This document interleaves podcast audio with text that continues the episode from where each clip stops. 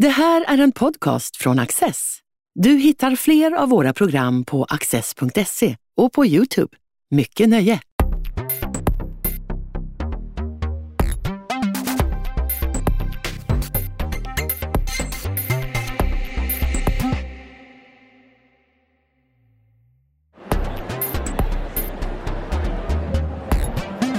Karina Burmans bok om Bellman är inte bara en biografi utan också ett porträtt av 1700-talets Stockholm.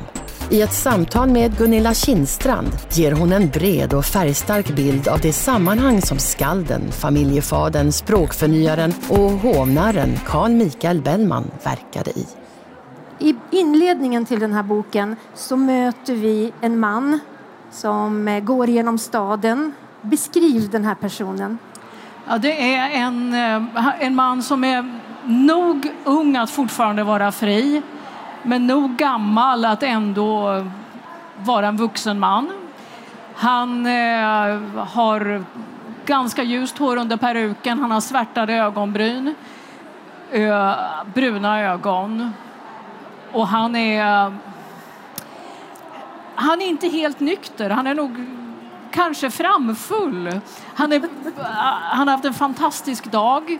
Han har varit och spelat. Han håller sitt instrument i handen och så går han från Gamla stan över vid Slussen och upp på Söder.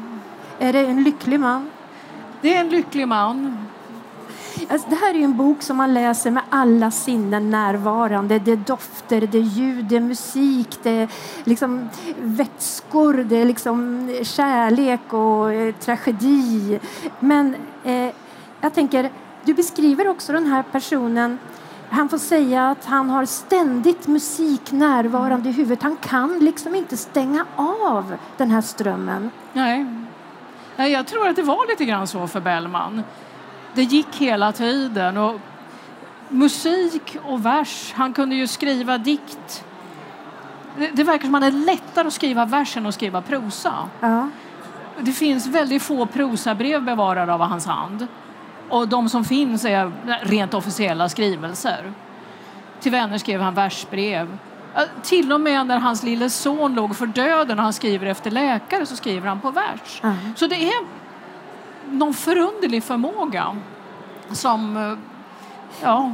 Men det här Stockholm som då den här mannen närmar sig, eh, då, då eh, alltså, han går ju in i en stad som inte är större än dagens Skellefteå.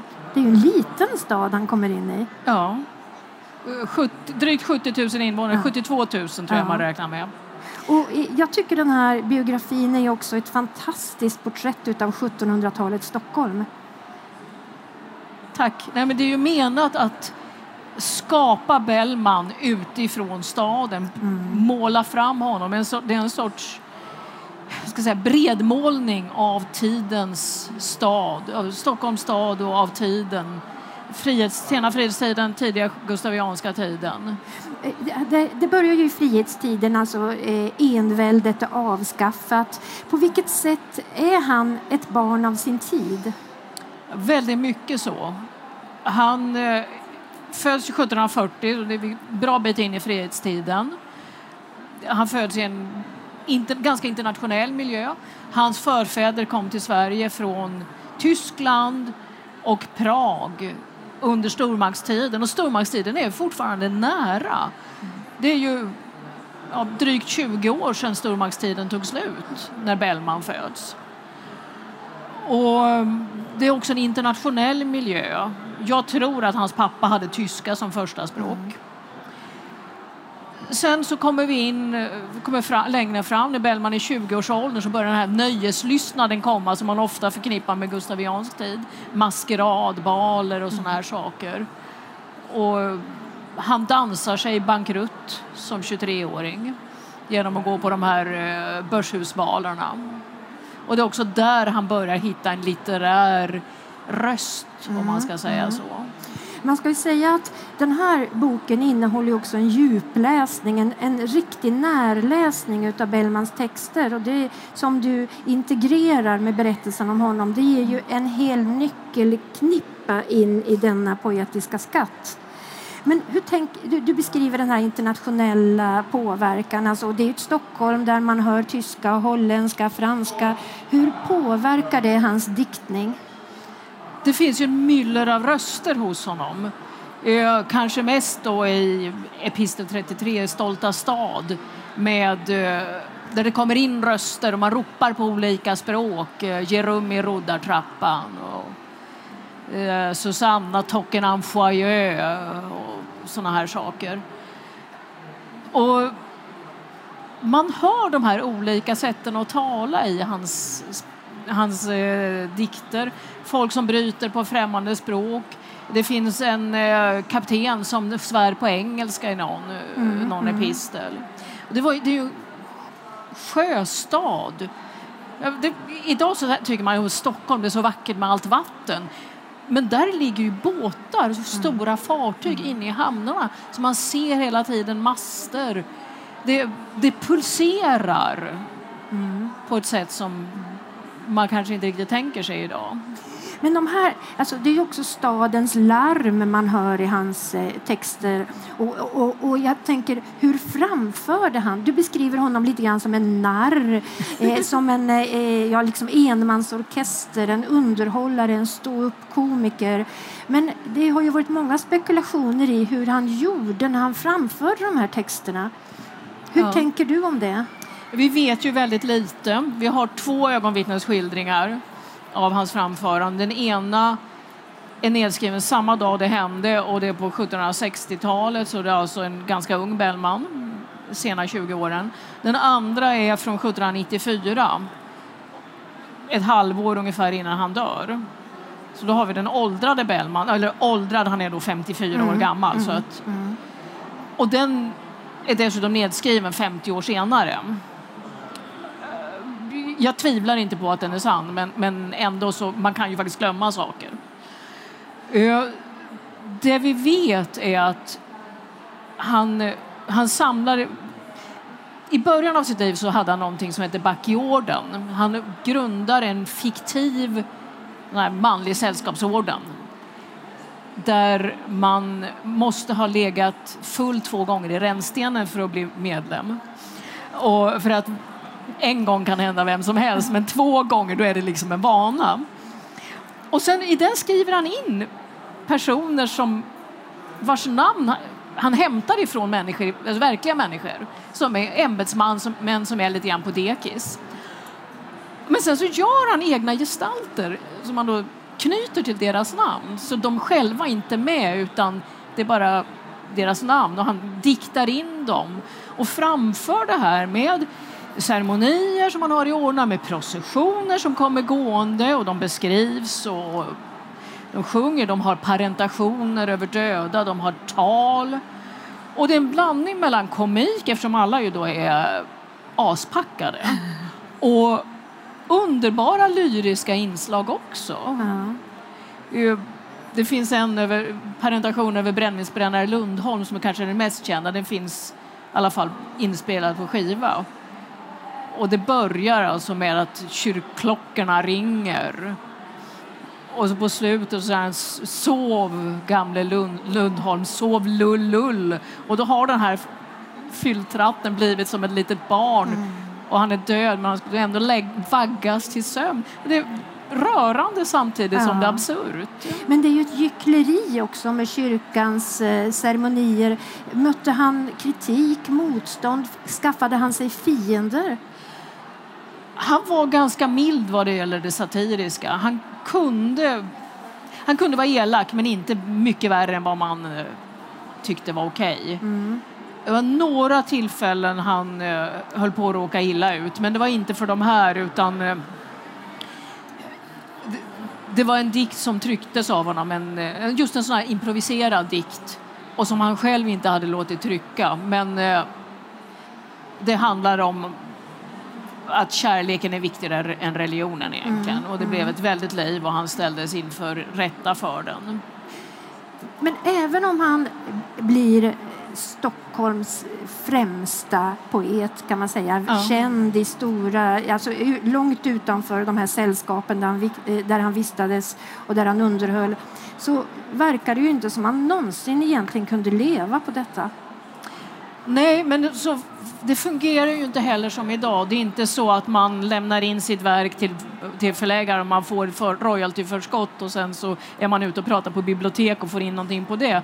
Utan dels så fanns det då tillfällesdikter där man kunde få betalt med en gång. Alltså man skriver någonting om någon som ska gifta sig och sen så går man dit med dikten och de säger och det här var en bra dikt, den får du pengar för. Men det finns också det indirekta, man skriver sådana här dikter för att få jobb och då kan man få in pengar på det. Men det finns också många mecenater som alltså stödjer honom. Det är då Gustav III är den främste. Men också andra borgare och adelsmän som... Ja, det verkar ju som de gav honom pengaunderstöd. Och riktigt hur det här gick till vet man inte. Men också det att han ibland bodde, bodde på deras sommarställen och kanske då kunde få lite lugn och ro. Jag kan även tänka mig att man kunde tänka sig naturaförmåner, alltså att eh, här har vi en stor skinka. Den kan familjen Bellman få. Så att det är liksom inte ordentliga avlöningar utan det är mycket mer flytande. Men de jobb, de, han hade i alla fall arbetsplatser. Ja. Hur mycket betydde det i hans ekonomi och i hans möjligheter att försörja sig? Ja, han var ju alltså ämbetsman från 17 års ålder och hela livet ut. Eh, till en början så fick han ingen lön, för man förknippar inte arbete med lön egentligen. Utan de här unga grabbarna de var tvungna att vänta på att det skulle bli en inkomst ledig som de kunde få. Men så småningom så får han lön och han tjänar rätt okej.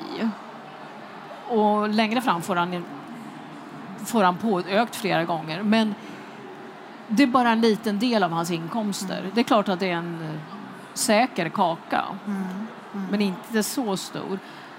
Ha- det- 1700-talet har också en annan uppfattning om ekonomi. Idag är vi ju mestadels ganska försiktiga med att ta lån annat än om vi ska köpa hus eller någonting sånt. Men folk levde på smålån och det har ju förstås att göra med att man inte fick avlöning just för det arbete man hade utfört utan att det liksom var två parallella spår.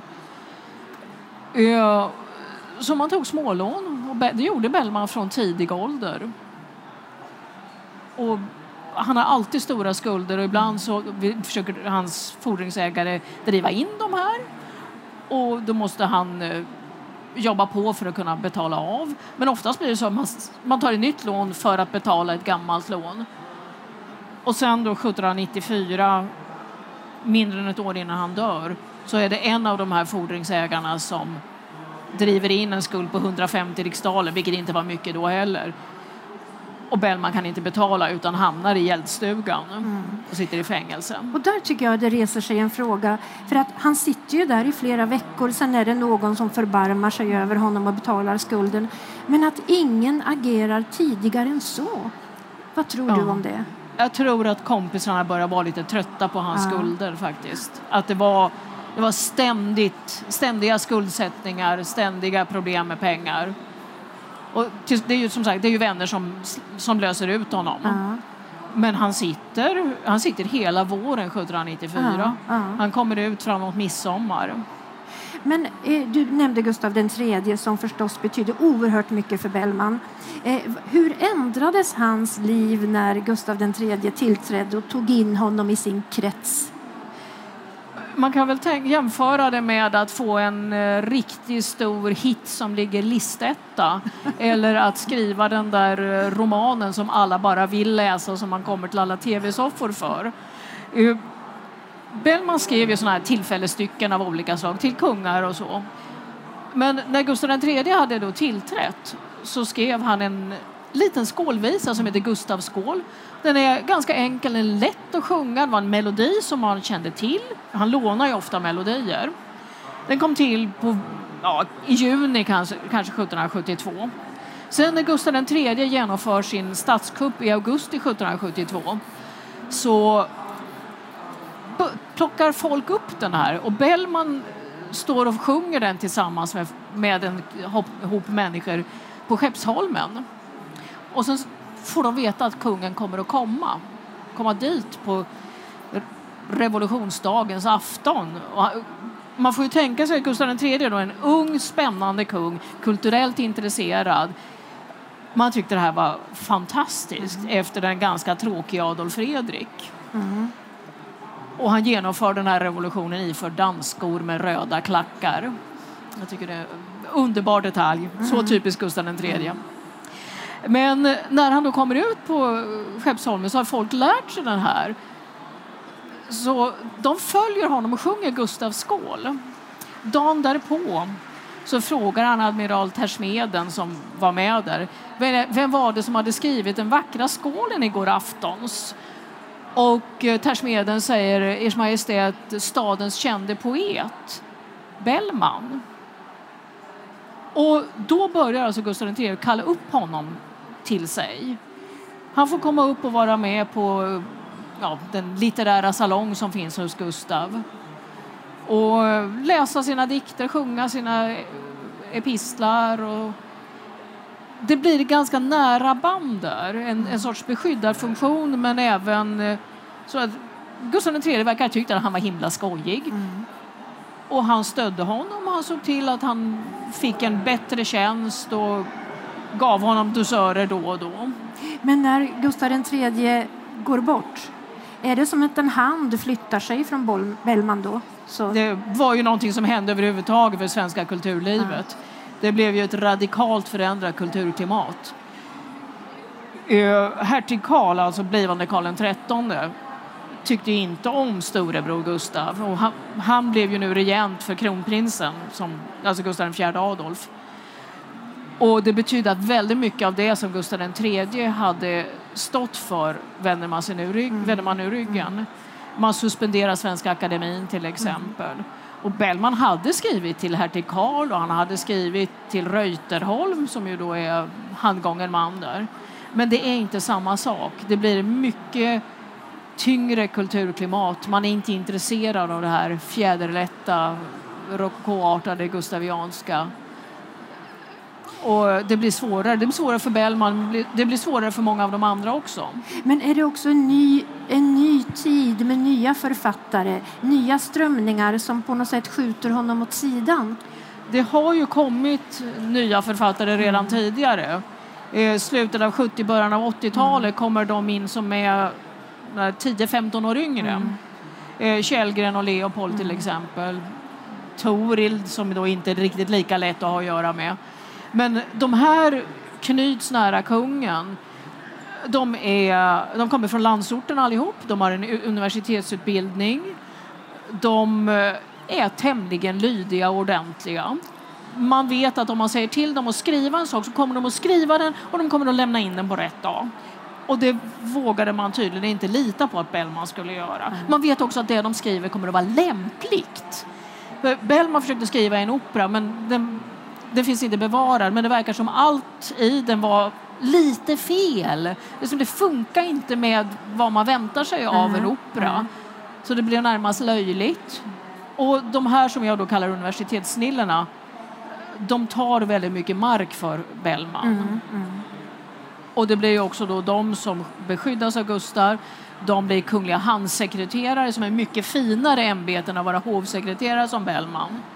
De kommer in i Svenska Akademin när den grundas 1786 och då är de de sitter 18 män där som har samma syn på litteraturen. Alla är inte författare, men de är anhängare till fransk klassicismen som är absolut inte Bellmans grej. Utan Bellman är närmast lite så här översvallande, mera åt det barocka hållet fast mm. barocken redan är borta. Men uppstod en diskussion om att eh, Bellman inte blev invald i denna akademi? Nej, inte alls. Ingenting? Nej. Nej, men det, är ju, det var ju kungen som bestämde mm. de första 13 och sen så valde de andra mm. sinsemellan. Och Nej, jag har inte sett någonting om det. Om nej, det. Nej. Men alltså, det, det, han är ju skabrös. Eh, det är mycket kroppsvätskor. Det är liksom livet i sin blomning. Det är fylla, det är rännsten. Mm. Men eh, idag kan vi uppleva honom så. Men var det för mycket för samtiden också emellanåt? Ibland, ja. Och jag tror det handlar väl också om vilket sammanhang man hade det här i. Det är en sak om man träffas i ett hem och sjunger om det eller man träffas på krogen och sjunger om det. Men eh, i de fina salongerna kanske inte. Nu skrev ju, Bellman skrev ju väldigt mycket mer än Fredmans epistlar och Fredmans sånger. Men det är ju Fredmans epistlar som är det bästa. Mm. Och där finns ju det här. Sen när de trycks 1790 så tar de ju steget från att vara någonting som lever i ögonblicket när man sjunger dem till att få en fast form. Mm. Och det som också händer är att musiken tecknas ner. Mm. Bellman kunde själv inte skriva noter. Så han fick alltså spela och sjunga de här för Ålström som var musiktryckaren. Och, mus och han skrev ner det och gjorde om det för klaver, alltså pianots föregångare. Och om inte det här hade hänt hade vi nog inte haft kvar Fredmans epistlar. Men det innebär också att de går in i en annan litterär fas, en annan litterär tillstånd. Mm. Mm. Från att varit det som man kanske kände man kunde ändra på hur man ville för att det var bara någon sorts muntligt traderad Mm. litteratur så blir det höglitteratur. Och han kommer upp ett snäpp på den litterära rangskalan helt enkelt. Vilket då ytterligare understryks av att Källgren som var en av hans, tidigare var en av hans motståndare, skrev förord. Och sen året därpå så fick han pris av Svenska Akademin. Så alltså, Bob Dylan var inte den första singer-songwriter som de gav pris. Utan det var Bellman. Men eh, om man tittar på, eller lyssnar på de tolkningar som görs av Carl Michael Bellmans eh, eh, texter idag, eh, är de mycket mer städade än vad du tror att det var på den tiden? Väldigt svårt att säga. Vi vet ju inte hur... Eftersom vi inte kan höra Bellman så vet vi inte hur han lät. Nej, men vad tror du? Jag, alltså, han var ju väldigt bra på att härma röster, härma Ja. läten och djurläten. Han spelade piano på ett bord och drog med fingret på fönsterrutor för att få fram ljud och sånt. Så jag kan tänka mig att även tolkningen av epistlarna följdes av en massa ljud. Det står ju ibland att det ska vara violoncell eller så. Det är ju så man ska sjunga. Man ska låta som en violoncell. Mm. Eh, och jag kan tänka mig att han gjorde dem mera skådespelarartat, bytte röster och kanske även agerade fysiskt. Ja. Samtidigt så hade han ju, han spelade ju själv på sin sitra, sistern, Mm. under tiden. Så att eh, så mycket agerande kan det inte varit om det inte var så att han spelade under delar och sen la undan den och, och agerade. Jag kan tänka mig att han kan ha gjort det ganska mustigt. Mm. Men kanske att han också kan ha ändrat på det. Det behöver inte vara på ett visst sätt. Och vi har ju, jag menar, vi har ju idag hela skalan från Fred Åkerström när det eh, verkligen blommar av, brunst eh, till fortfarande städade körframträdanden, till och med barnkör då när de sjunger Fjärin vingad och sånt Ja. där. Du eh, följer ju förstås hans familj också när han bildar familj efter en tid av olika relationer med kvinnor och så. Eh, men det, tycks ju, det verkar ju varit ett tämligen stabilt äktenskap. Ja, jag tycker det verkar ha varit det. Eh, Det är klart att han nog kunde vara jobbig att leva med, men jag tror inte han var värre än andra män på sin tid. Han tycks ju faktiskt ha varit snäll och det är en kvalitet som man inte så ofta förknippar med den gustavianska tiden. Och han tyckte mycket om barn. Det är nog inte otroligt att han satt och jobbade och skrev sina visor i hemmet. Han, han hade ju visserligen ett tjänsterum, men jag- han verkar ju inte varit där särskilt ofta. Och man hade inte heller den, vår, vi hade, man hade inte heller vår tids gränser mellan privat och arbete. Så att eh, han kan mycket väl ha suttit och komponerat och haft ungarna klättrande över sig. Precis som många andra familjer på den tiden så fick ju familjen Bellman vara med om att eh, förlora ett barn. Eh, hur påverkade det honom? Påverkade det honom? Ja, jag tror det påverkade honom. Man brukar ju säga att eh, man brydde sig inte om små barn. Det var ingen idé att fästa sig vid dem. Men det intressanta är att varje gång detta påstås så säger man att den person man skriver om, den reagerar. För det, den, vår huvudperson är ju alltid modern. Ja. Är ju alltid den som vi kan lita på, som, som har goda känslor och så. Man verkar ha varit jätteledsen. Det finns så många vittnesmål om folk mm. som gråter sina ögon röda mm. över små bebisar som dött. Mm. Bellman hade ju dessutom många syskon som dog. De var, han säger att det var 21 barn mm. som föddes i familjen Bellman. 15 barn finns belagda i kyrkobokföringen. Och hur det här stämmer, det är klart Bellman var inte bra på att räkna, men jag undrar om det kan ha varit så att hans mamma hade haft väldigt sena missfall. Och hon såg det här som barnsängar och berättade det för barnen. Men de var inte så pass fullgångna så de räknades som barn. Mm. Det är min teori. Men han hade ju då varit med om att förlora syskon efter syskon. Det måste ju ha påverkat honom också. Mm. Och sen så är det ju då lille Elis som dör, två år gammal. Och i, i kopporna. Kopporna hade ju många och många barn dog i det. Många föräldrar, eller många människor hade haft det och man blir ju immun av det. Så uppenbarligen hade både Bellman och Lovisa, hans hustru, haft det. Så deras lilla baby, som var alldeles nyfödd då, Carl, han var immun genom amningen. Och det äldste, de hade ett äldre barn också, Gustav som också uppenbarligen hade haft det. Men lille Elis dog. Mm. Och det är då hjärtskärande med detta. Först, men man skriver i familjebibeln vår lille son Karl döptes, Gustav var med, Elis var sjuk i kopporna, kunde inte, inte vara med. Och sen så kommer det här med att han skriver efter läkare, han skriver till tre läkare han känner. Men eh, pojken går inte att rädda utan dör. Mm. Och han skriver då en elegi över pojken. En sorgedikt, men han verkar alltså även skrivit någonting musikaliskt som är någon sorts är på med bibelassociationer. Han gör en notering i familjebibeln över det. Och sen skriver han vaggvisan till Autors son Charles, när lille Charles sov sött i frid som ju är jättevacker. Mm.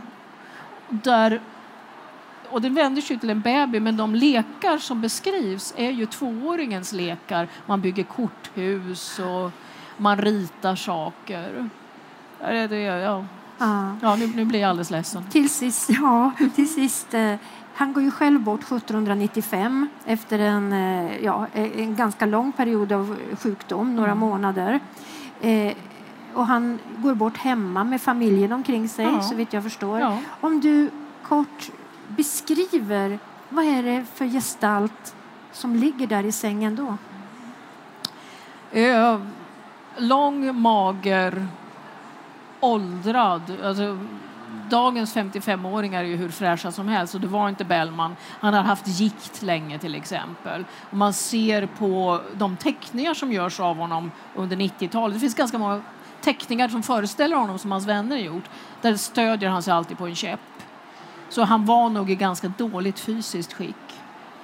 Han hade ganska stor näsa. Det finns en dödsmask och där ser man att eh, näsan verkar vara bruten så han har väl då ramlat omkull någon gång eller mm.